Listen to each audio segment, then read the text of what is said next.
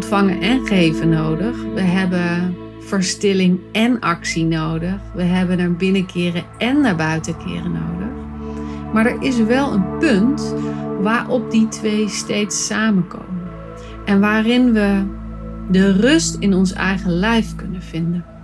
Dus op het moment dat iets in disbalans is, zoals bij deze vraag van deze podcastluisteraar, die zei van mijn aandacht gaat zo uit naar het geven, dan zit je dus te ver van dat centrum af en heb je jezelf weer de andere kant op te brengen om in dat centrum uit te kunnen komen. Welkom bij de Sensueel Belichaamd Leiderschapspodcast met Janneke Robers. Dit is de podcast voor vrouwelijke coaches en leiders die zichzelf willen bevrijden van eeuwenlange conditioneringen die hen klein houden. En de podcast die je ondersteunt in het ontwaken van je volle vrouwelijke potentieel. Welkom in mijn hoofd, hart en bekken. Ik kreeg een vraag van een podcastluisteraar die zei: Ik wil bewust kunnen genieten van ontvangen in plaats van alleen maar bezig te zijn met geven. En ik vond het een prachtig onderwerp, omdat wij als begeleiders natuurlijk heel veel bezig zijn met geven, met goed doen, met het voor de ander willen doen. En heel zorgzaam zijn voor onze klanten, maar ook voor onze geliefden, voor onze kinderen, voor onze omgeving. Omdat dat nou eenmaal, ja, ik wou bijna zeggen van nature in begeleiders zit. Omdat je anders niet die rol van begeleider hebt aangenomen. Dus ik vond het een prachtig onderwerp voor een podcast. Ook omdat het onderwerp zo ontzettend gelaagd is. Het gaat onder andere over de balans tussen geven en nemen. Of wat ik liever zeg, geven en ontvangen. Of ontvangen en geven, in die volgorde. Het gaat ook over mogen genieten. Mogen genieten van dat wat je ontvangt. Dus eerst genieten in plaats van later genieten. En het gaat over het fysieke stuk. Want zoals ik al in een eerdere podcast heb gezegd, Gevoel volgt beweging. Dus als je een fysieke beweging in je lijf aanpast of toevoegt of daar bewust van wordt, dan verandert ook de emotionele laag, de gevoelslaag, de energetische laag die daarbij hangt. En vaak werkt het ook andersom, dat de beweging in ons lijf of de ervaring in ons lijf ons doet realiseren: hé, hey, oh zo doe ik dat dus. Bijvoorbeeld als je een uitwisseling hebt met iemand waarbij je masseert, dat je kan ervaren van dat geven, dat masseren, dat gaat me gemakkelijk af. Maar het echt ontspannen, het echt ontvangen van de handen van de ander, dat gaat me veel moeilijker af. En zo heeft dat fysieke deel ook echt een belangrijk aspect in het onderzoek van hoe doen we dat nou, dat ontvangen en geven in een flexibele beweging of een soort tussen aanhalingstekens balans kunnen brengen. Nou, laten we eerst eens beginnen met dat stuk ontvangen versus geven en waarom dat lastig is. Als je ontvangt van de ander, als je iets krijgt, dan sta je in de schuld. En wat ik daarmee bedoel is dat we hebben de neiging om dingen in balans te willen brengen. Dus we kopen bij de supermarkt een brood, we betalen daar geld voor en we krijgen het brood. Dan is het in balans. Dan is de rekening vereffend. Maar zo doen we dat ook in emotionele stukken, zo doen we dat ook in fysieke stukken, zo doen we dat eigenlijk in iedere interactie tussen mensen. De een geeft wat, de ander ontvangt en de ander geeft wat terug en de eerste geeft weer wat. Dus zo heb je die flexibele lemniscaat die over en weer gaat. En als je dan kijkt naar een relatie, dat is altijd een prachtig voorbeeld om te noemen. Of dat nou een relatie tussen geliefdes is, of een relatie met een klant, of een relatie met een vriend of vriendin. Dat maakt niet zo heel veel uit. Maar laten we de relatie van twee geliefden nemen. De een koopt een cadeautje voor de verjaardag van de ander. De ander is gelukkig, is blij en dan wordt de ander jarig. en je krijgt een cadeautje terug. Dus dan is het in balans. Maar wat gebeurt er nou als de een een cadeautje geeft en de ander geeft een iets minder cadeautje terug? Dus bijvoorbeeld de een geeft een dagje weg met een museum, met een extravagant diner, met een Thalys ticket naar Parijs. Weet je, die pakt helemaal uit.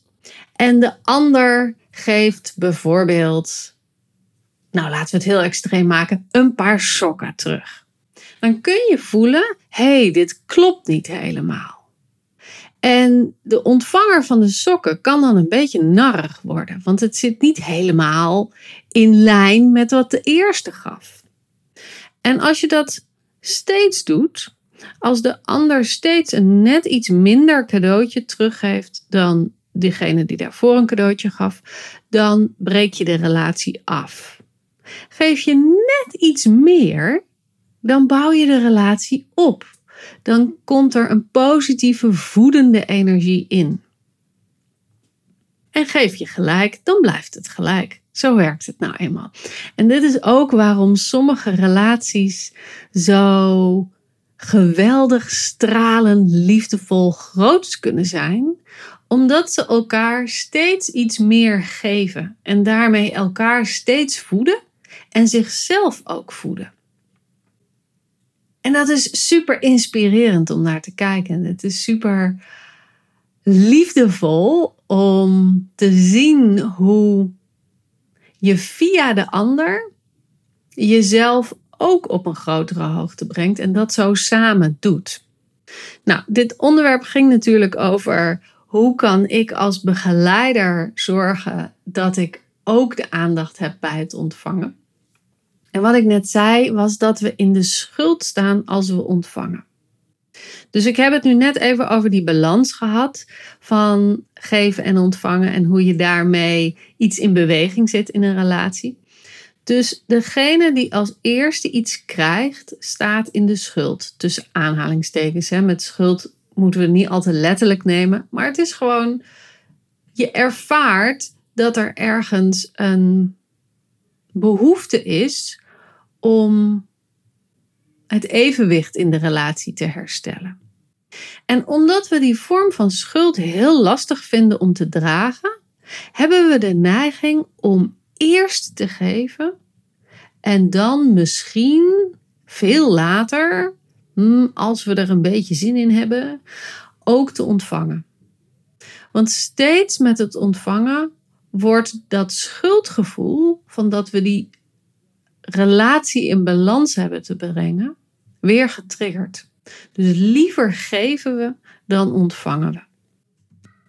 En daarbij komt natuurlijk dat we in zo'n heerlijke Calvinistische maatschappij leven, waarin we ook dat idee hebben geïncorporeerd dat het genot of het plezier of de vreugde pas komt na het harde werken.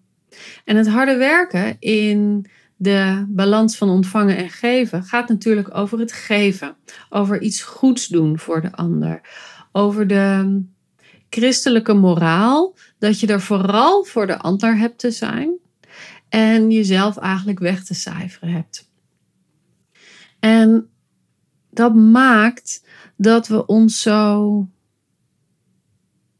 ontspannen kunnen voelen bij geven en ons gespannen voelen bij ontvangen. En geven is daarnaast ook een voorwaartse beweging. En daarbij komen we ook op dat fysieke stuk. Het voorwaarts bewegen zit aan de voorkant van ons lijf. Dus we geven iets door aan de ander.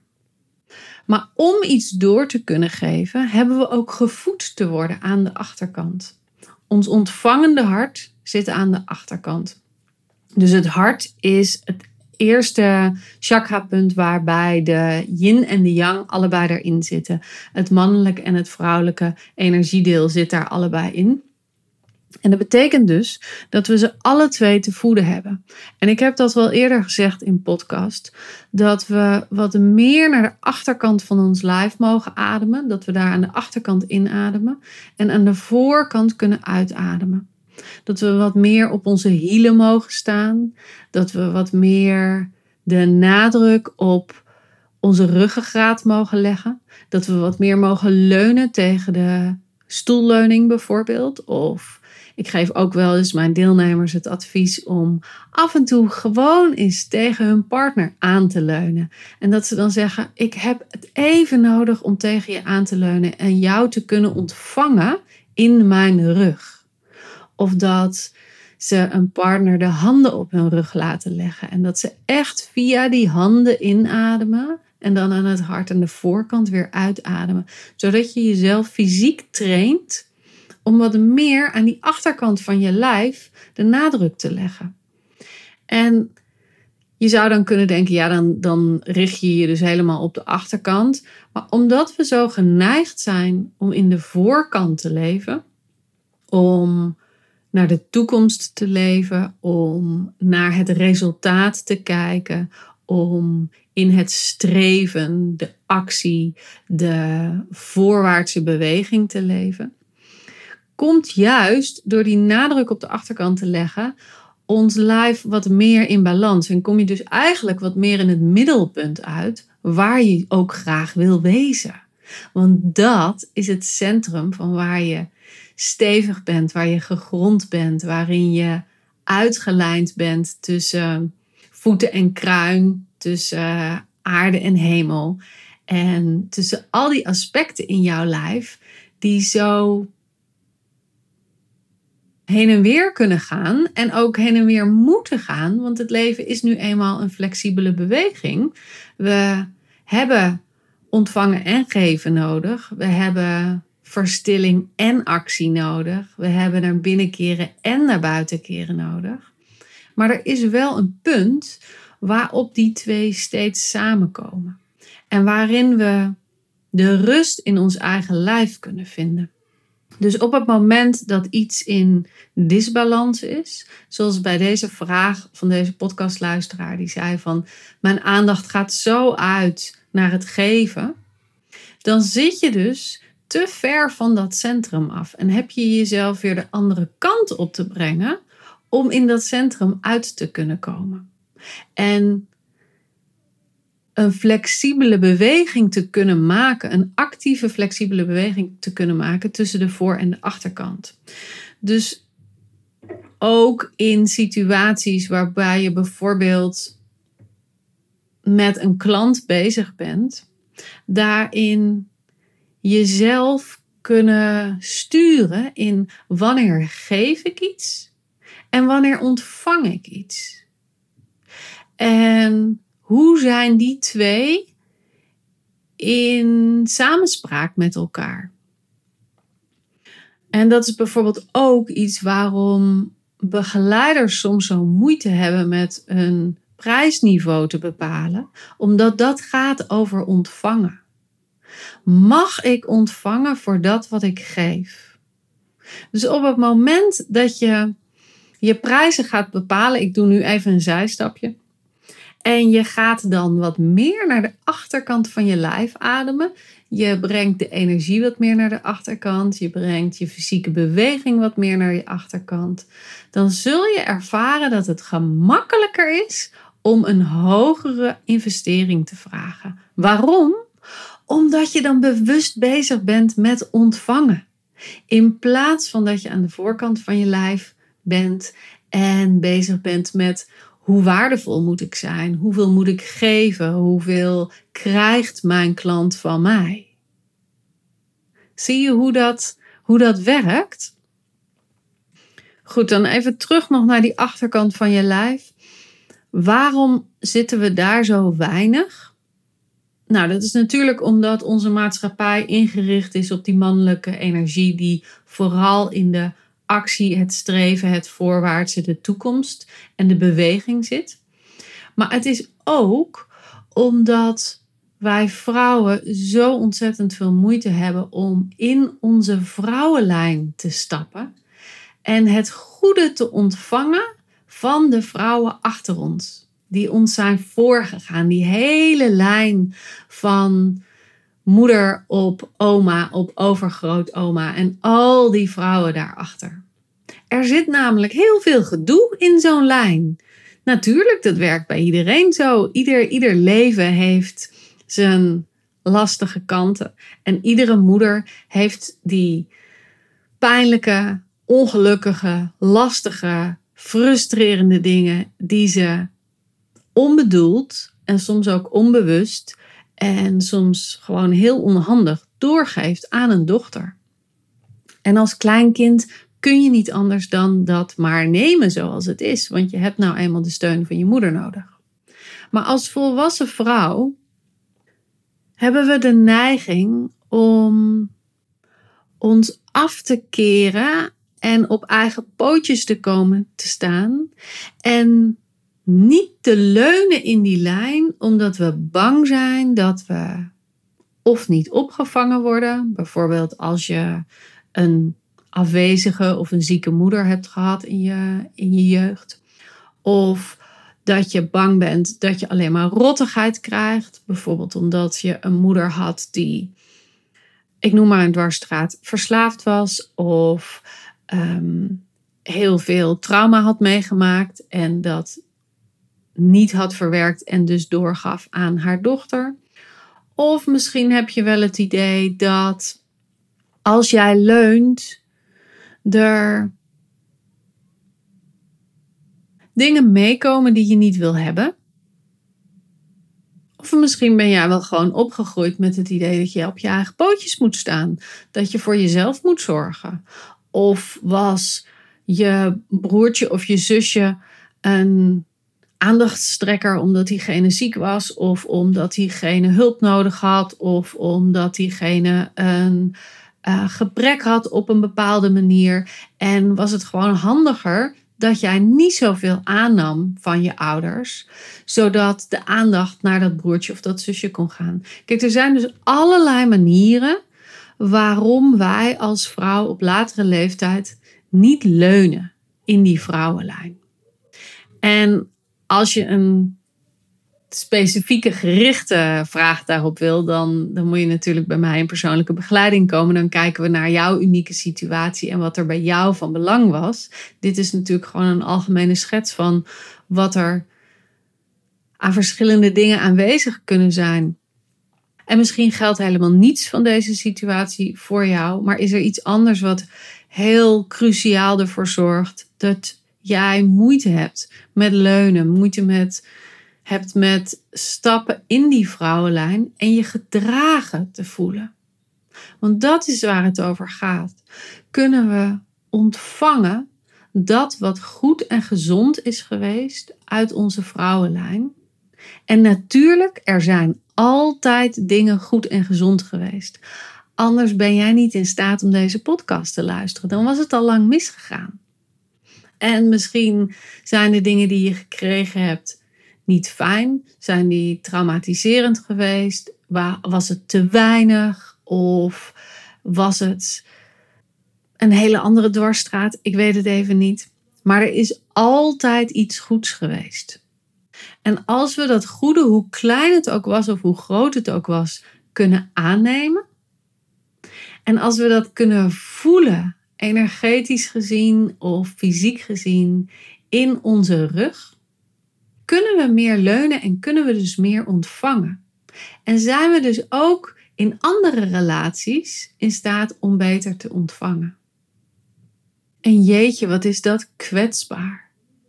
Want als je leunt in die vrouwenlijn en als je daar ontvangt, dan sta je dus op een bepaalde manier niet meer heel stevig op je eigen pootjes, maar ben je dus overgegeven aan dat wat er achter je is. En omdat we nou eenmaal naar voren kijken, ogen hebben aan de voorkant, kunnen we niet zo goed zien wat er aan de achterkant is. Dus je hebt je over te geven aan het duister of aan het onwetende of aan dat wat onkenbaar is. En dat is nou eenmaal kwetsbaar. En ja, dat doen we liever niet. Dus gaan we maar liever naar de voorkant bewegen. Het is heel erg logisch dat we onze aandacht veel op het geven hebben gericht en minder op het ontvangen. En ik nodig je uit om de komende dagen eens op te letten. Hoe doe jij dat in die balans van ontvangen en geven? Ben je eerst met de voorkant bezig? Of mag je van jezelf eerst met de achterkant bezig zijn? En als dat zo is, welke gedachten komen er dan bij op? Waar maak je je dan schuldig aan? En dat is super interessant om te onderzoeken, want als je die gedachten hebt onderzocht, dan kun je daar ook niet zozeer conclusies, maar wat is het woord daarvoor? Verbindingen aan koppelen die jij onbewust gemaakt hebt in je brein in een eerder stadium en die je nu nog steeds meeneemt. Nou, dat kunnen allemaal van die verbindingen zijn waar ik het eerder al over gehad heb. Dus kijk eens, hoe reageert jouw brein op eerst ontvangen aan de achterkant, eerst aannemen, eerst leunen. Voordat je gaat geven, voordat je er bent voor de ander, voordat je helemaal opgaat in het helpen van je klant of het ontzorgen van je partner of het helpen van je kind of wat dan ook. En kijk eens wat het doet in je lijf als je meer fysiek aan de achterkant aanwezig bent. Nou, dit was het eerste deel van het antwoord op de vraag: hoe mag ik meer genieten van ontvangen dan steeds met mijn aandacht bij het geven zijn? En in de volgende aflevering neem ik je mee op dat stukje genieten, want daar hebben we het nog niet over gehad, maar is wel een heel erg belangrijk aspect. Want genieten heeft ook zoveel connotaties in deze christelijke maatschappij. En daar zitten ook nog heel veel andere lagen aan. En die wil ik graag met je bespreken, want als je die ontrafelt, dan ontstaat er veel meer ruimte voor genot. Niet alleen in het stuk van ontvangen en geven, maar ook in allerlei andere aspecten van jouw leven en van de manier waarop je in begeleiding staat met jouw klanten of met je geliefde in een relatie bent. Dus ik hoop dat je de volgende aflevering er ook bij bent. Voor nu rond ik hem even af.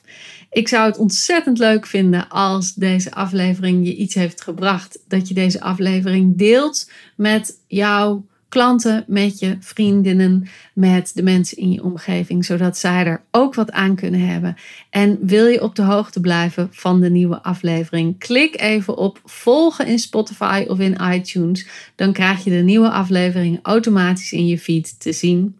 En ehm, nou, ik wens je een hele fijne dag. Wil je mijn persoonlijke begeleiding, zoals ik al eerder zei, dan kan dat in het jaarprogramma Voluit Vrouw zijn, waarin ik je help om je volle vrouwelijke potentieel te openen en je in diepe verbinding te brengen met je vrouwelijk lijf, je vrouwelijke energie en die volle overgave van levenslust, genot en sensualiteit wakker te maken in je leven. Zodat je vanuit sensueel belichaamd leiderschap het leven, je werk of je relatie creëert zoals jij dat verlangt.